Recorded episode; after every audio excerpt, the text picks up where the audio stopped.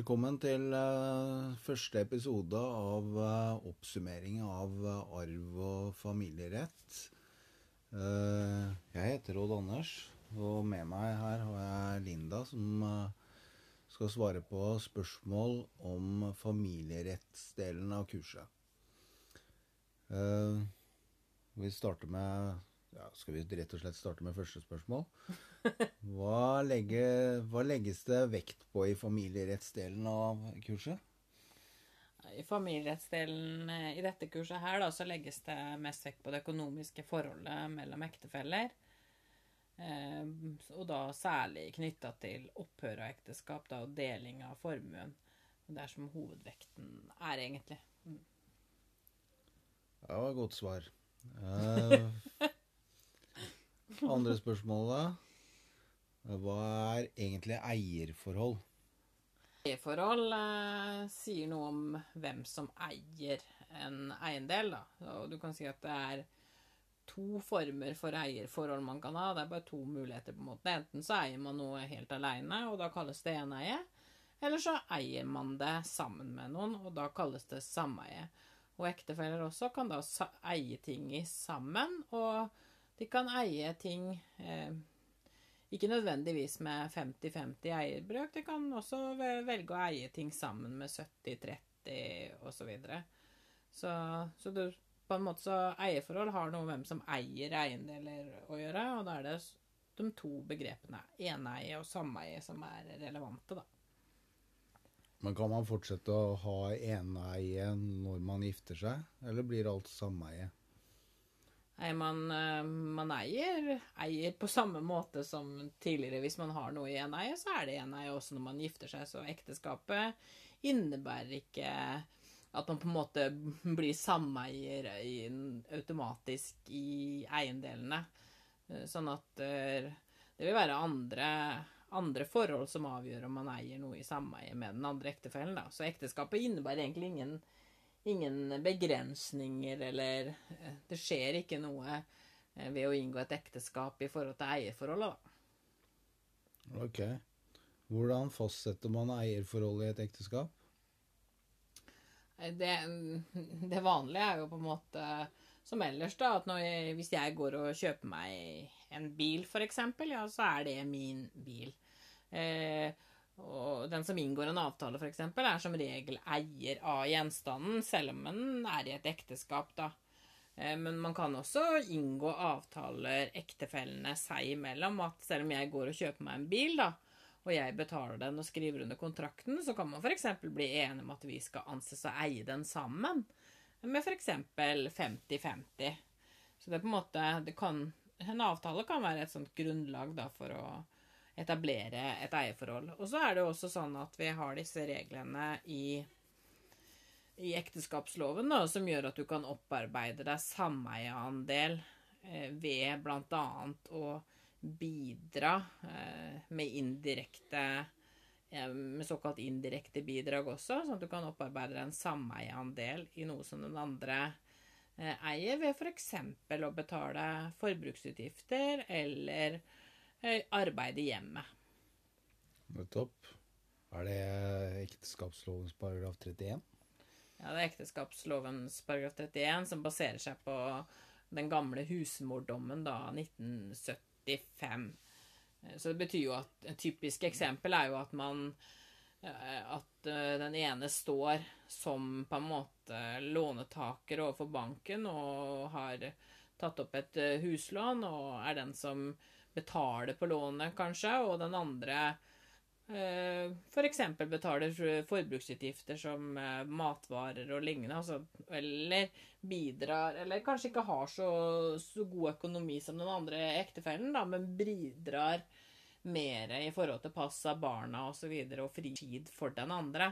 Men det skal veldig mye til å opparbeide seg en sameieandel ved å ved å bare gjøre husarbeid, da. I hvert fall sånn som hjemmene i dag har blitt, da.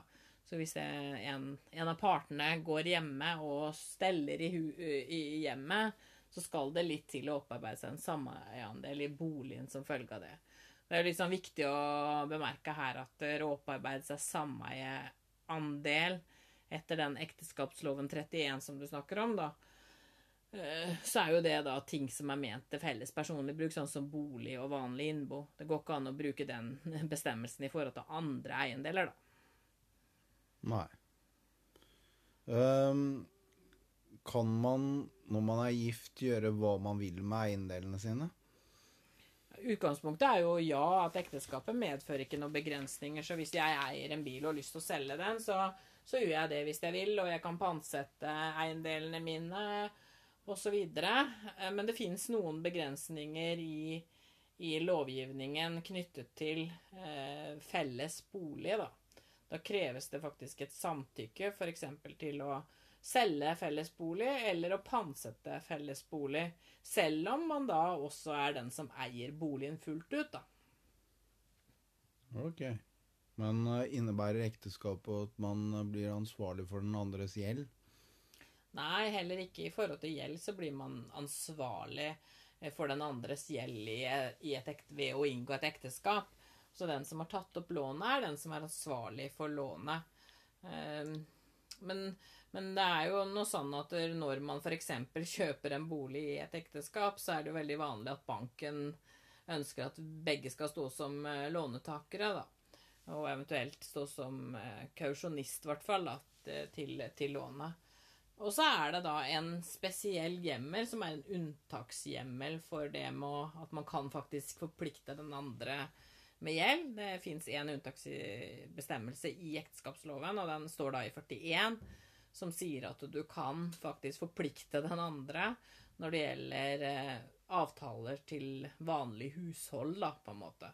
Så er det oppramset litt tydeligere da, hva det innebærer, da, uten at jeg skal ta det nå. Men det er jo da en unntaksregel. Altså Hovedregelen er at man ikke kan forplikte den andre ektefellen med mindre det foreligger et uh, forpliktelsesgrunnlag, da, en avtale f.eks. mellom ektefellene, eller at man felles inngår eh, en låneavtale f.eks. overfor en bank sammen. da. Skjønner. Hvordan fastslår man hvem som er ansvarlig for gjelden i et ekteskap? Det er jo ved å se på forpliktelsesgrunnlaget i f.eks. typisk en låneavtale. Hvem er det som faktisk har skrevet, skrevet under avtalen, osv. Ehm, det kan men det kan også være sånn at det fins avtaler mellom ektefellene. Så selv om det står f.eks. at du Eh, er lånetaker overfor DNB f.eks., så kan vi to f.eks. ha en avtale oss imellom. At jeg skal svare for 50-50. Men da kan i så fall bare banken holde seg til deg fullt og helt. Men da må du kreve meg eventuelt i etterkant, da, hvis jeg ikke ønsker å betale min del. Ok, så du ønsker ikke å betale din del? Uh... ikke din del, nei. ikke min heller, egentlig. jeg skjønner. Hva er egentlig felleseie og særeie? Har det noe med hvem som eier tingene å gjøre? Eh, nei, det er jo som jeg snakket om tidligere. Det fins kun to på en måte måter man eh, inndeler eierforhold å gjøre. Da. Det enten er at man eier noe aleine, eller at man eier det sammen med noen. Og eier man det sammen med noen, så er det sameierloven som regulerer eh, eierforholdet, da, dersom man ikke har tydeligere avtaler. Så du kan si at felleseie og særeie, det er egentlig det man kaller en formuesordning, da. Og det, det, er det som sier noe om hva som skjer med eiendelene ved ekteskapets opphør. Og det at du har felleseie, hva betyr egentlig det da? Felleseie er det som følger av lovens normalordning. Altså hvis man ikke har bestemt eller avtalt noe annet et, når man inngår et ekteskap, så har ektefellene det, det som man kaller for felleseie etter ekteskapslovens 51. Og det betyr at når ekteskapet opphører enten ved skilsmisse eller død f.eks., så skal eh, nettoformuen deles likt, da. Så det betyr at, at man kan eh, trekke fra eh, gjelden sin på Altså man, man, fastsetter hva som er nettoformuen til hver av ektefellene, da. Og så slår man dem sammen og deler det på to. Og det er liksom på en måte verdien man da skal sitte igjen med i kroner og øre, da. Den sier jo ikke noe om hvem som skal ha hvilke gjenstander, men den forteller da hvem som hvor mye hver av dem skal sitte med. Skjønner. Og særeie, det er på en måte det, motsatte, da. Sær, At, eh, ja, du kan si at særeie betyr jo at man, man kan holde ting utenfor delingen, da. Så man kan ha øh, Selv om man har særeie, så kan man ha en ordning med det som vi kaller for delvis særeie, da. At man har noen eiendeler, f.eks., som man ønsker å være sitt eneeie, f.eks., og i særeie. Og da betyr det at den verdien kan holdes utenfor delingen. Men det kan også være sånn at la oss si du og jeg da eier boligen sammen, men at den skal være særeie. Så betyr det at jeg kan holde utenfor delingen den delen som er min av det særeiet, da, på en måte, av den boligen. Så det er ikke noe, er ikke noe motsetning mellom eh, særeie, for eksempel, og være sameier, da, hvis du skjønner hva jeg mener. Poenget er at særeier særeie er den Når du eier, eier noe, så kan du holde den delen som er din, utenfor delingen. Og da bør det ikke nødvendigvis være at det er ditt eneie. Det kan også være at du og ektefellen har det i sameie. da. Hvis vi bestemmer at boligen skal være sameie mellom deg og meg, med 70-30 f.eks. For fordeling, og du eier 30% og jeg eier 70% så vil jeg kunne holde 70% av min verdi utenfor delingen hvis vi har særeie. Ja, jeg skjønner. Så felleseie, det blir det da hvis man ikke har avtalt noe annet. Særeie, det må avtales. øh, og det må vel egentlig da også avtales på en spesiell måte, via ektepakt. Ja, det stemmer. Altså I loven så er det sånn at dersom man skal ha noe annet enn det som er lovens normalordning, så må man inngå det en, i en bestemt form, da, i det som kalles for ektepaktsform. Og det er på en måte et skjema eh, som man sender inn til ektepaktregisteret. eh, Som egentlig eh, som, hvor kravene, formkravene da, er samme som for et testament. da, Man også har vitner til stede når man skriver det. Og den, den ektepakten, da, den, det er egentlig Den inneholder en avtale om formuesordningen. og Da kan det være at man f.eks. skal ha eh, fullt særeie, man kan ha delvis særeie, man kan også ha særeie i live og felleseie ved død, altså at man ønsker å regulere eh, At man ønsker at det skal være særeie hvis ekteskapet opphører ved død, eller opphører ved skilsmisse, men at man ønsker f.eks. at det skal være felleseie hvis ekteskapet opphører ved død, f.eks. Så det finnes mange alternative måter å regulere da eh, formuesordningen da, i en ektepakt. Så en ektepakt har egentlig, det er egentlig bare en avtale om formuesordningen. Og så er det også sånn at man må bruke ektepakt dersom man skal gi gaver til den andre ektefellen utover det som er såkalte vanlige gaver. Man kan gi hverandre bursdagsgaver og sånn selvfølgelig av en viss størrelsesorden uten at man må skrive ektepakt. Men hvis, hvis det er en litt størrelse på det, så må man faktisk skrive ekteskap når man overfører eh, noe som en gave fra den ene ektefellen til den andre. Jeg skjønner. Altså ektepakt brukes i to tilfeller da, for å, for å avtale særeie. Og for å gi eh, Hvis man skal gi gaver til den andre ektefellen. Ja. Ja. Og samme Omtrent, i hvert fall. De samme Samme eh, måten man gjør det på som man gjør med et eh, testamente. Ja, det er det. Det eneste, eneste nå er faktisk at formkravene er strengere ved hektepakt ved at det er eh, samtidighet ved vitneundertegnelsen, som det ikke lenger er krav om i forhold til testament, da, etter den nye arveloven trådte i kraft 1.1.21. Eh, hvordan deles formues, formuen og gjelden når ekteskapet opphører? Ja, vi har jo egentlig vært eh, litt innom det, da. Eh, Du kan jo si det sånn at det er eh, en, en likedeling, da, som er hovedregelen. Um, dersom man har felleseie? dersom man har felleseie, så er det nettoformuen som skal være gjenstand for likedeling. Da skal man på en måte finne ut hver av ektefellene sin nettoformue. Eh, og plusse dem sammen og dele det på to, da, for å si det på en enkel måte. Og da er det den verdien man skal sitte igjen med. Jeg glemte i stad å si litt om det som kalles for skjevdelingsregelen, da. Eh, som, er, som innebærer selvfølgelig felleseie, men det er en egen bestemmelse i, i, i ekteskapslovens 59 som sier at der gaver som du får fra andre enn ektefellen, eller Eh, du har eiendeler som klart kan føres tilbake til før ekteskapet, de kan du holde utenfor delingen. Eh, man tenkte nok at den regelen skulle på en måte gjøre sånn at man ikke hadde like stort behov for å lage ektepakt, f.eks. om særeie, da. Men eh, man ser allikevel at mange velger å gjøre det, for dette, denne skjevdelingsregelen den må jo påberopes, og ofte så blir det eh, konflikt om eh, det, da. Om den klart kan føres tilbake til eh, noe man eide før ekteskap, f.eks. Så for å slippe den prosessen med den eventuelle kranglinga det innebærer, så velger mange da likevel å skrive ektepakt. At denne er mitt, min, mitt eneie og skal være mitt særeie, f.eks. For, eksempel. for da slipper man den type argumentasjon og, og, og konflikt da, og bevisproblematikk knytta til det. da. Jeg skjønner. Uh, men hvis man har Du snakker om nå hvis man har felleseie, men hvis man har særeie, hvordan, hvordan deler man det da?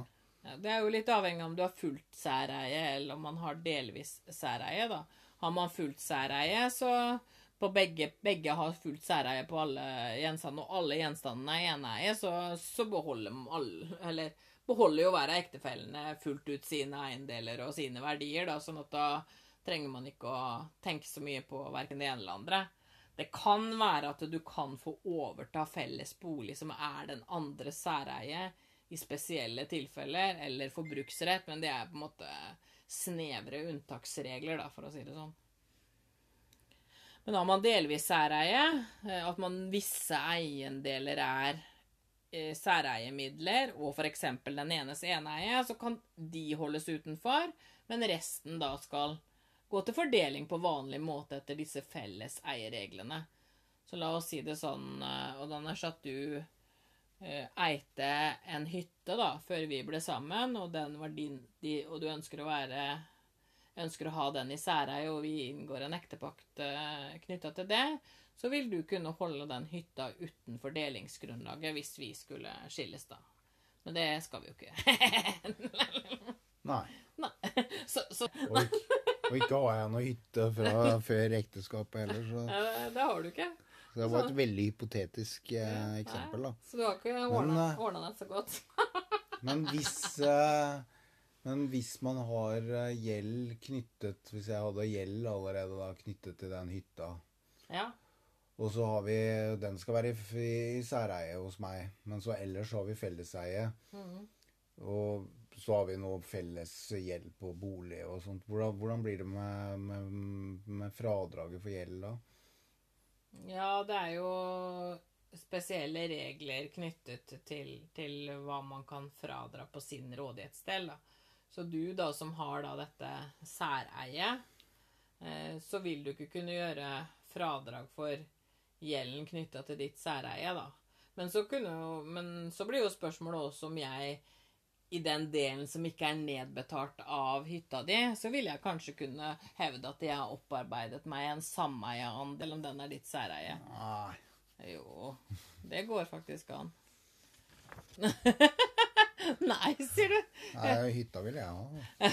Det går an å påberope seg det. Det er noen som gjør det. Når det gjenstår mye gjeld, så vil det på en måte være verdien nettoverdien du tok med deg inn, da. Så, for man kan opparbeide seg sameiendel i særeiemidler, men det skal veldig mye til, da. Men, ja. Eh, men jeg ville kunne påberopt meg det. Det ville jeg selvfølgelig gjort, da, hvis vi to skulle skilles. Men hvis jeg, Altså, det var jo greit at hvis, hvis jeg har gjeld på den hytta, så holdes eh, den gjelden helt utenfor. Altså, jeg overtar hytta, og jeg overtar gjelden mm. tilknytta den hytta. og felleseie. Da tar man inn hver sin del av både eiendeler og, og gjeld, og så deler man på to. Ja, ja. Men hvis man har særeie og, og felleseie, og så særeie på noe og felleseie på noe, og så har man en gjeld som eh, ikke er klart knyttet verken til eh, felleseie eller særeie? Er det noe spesielt rundt det? Da kan man gjøre forholdsmessige fradrag da, fra, fra, fra gjelden, da. Ja. Ut fra hvor stor andel som eh, knytter seg til eh, ja, forholdet mellom særeiemidlenes gjeld og, og totalgjelden da, i forhold til felleseie. Men å prøve å sitte og forklare disse brøk, brøkene sånn Nei, det må man nesten se. Det må man nesten eh, se, se på de eksemplene som vi har lagt ut, da. Ja. Bare et par spørsmål til nå. da. Eh, Det er noe som heter vederlagskrav. Hva er det? Ja, det er jo at, der, at en ektefelle kan få en kompensasjon, da, på en måte. Eh, Hvis man f.eks.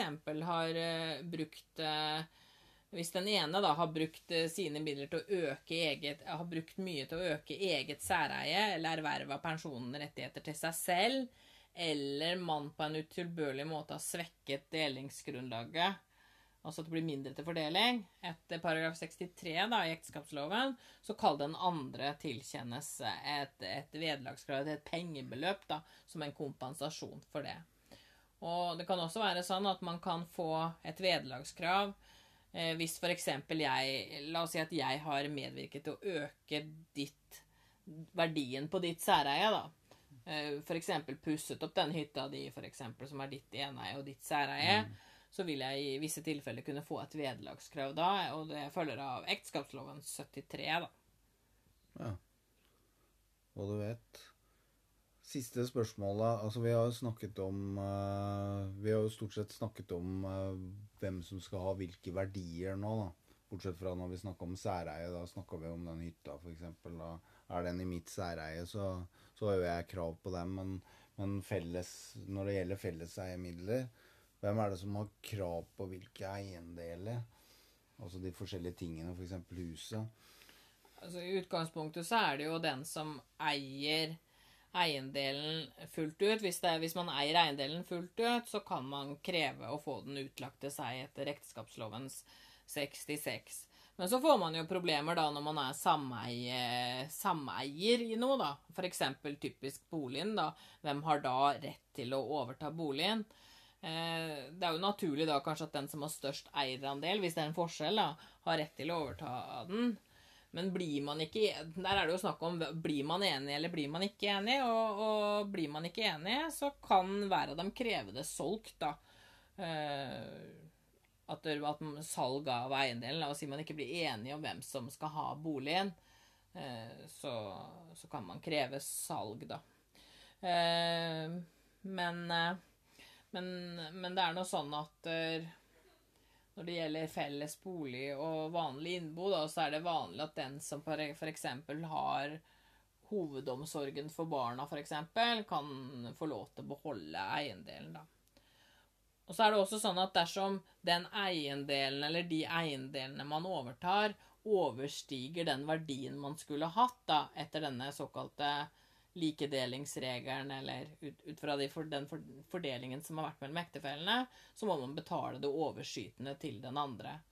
Så hvis det f.eks. har kommet til at man skal ha eh, to millioner hver da, eh, i verdier eh, når ekteskapet opphører, og det viser seg at boligen f.eks. er verdt tre millioner, og jeg overtar den, så må jeg da betale deg ut med én million, da. Skjønner? Hva gjør du egentlig? da? Nei, det er noe Jeg bare skryter på meg, da. Men, eh, Er det noe annet vi har glemt som vi burde tatt opp, eller? Nei, det var akkurat det jeg hadde tenkt å spørre deg om. Ja, jeg er litt usikker, ja. Om jeg, og jeg er litt usikker på om jeg var litt eh, klar nok. Jeg syns det ble veldig mye sånn uh, Syns ikke dette her ble så veldig bra forklart. Ja, men det syns jeg jo. Men vi får si at det, det får være bra. Ja, Jeg tror det blir bra, jeg. Ja. Nei, men da sier vi vel eh, takk for oss, da. ja. Ha det. Rett og slett. Ha det. Ha det.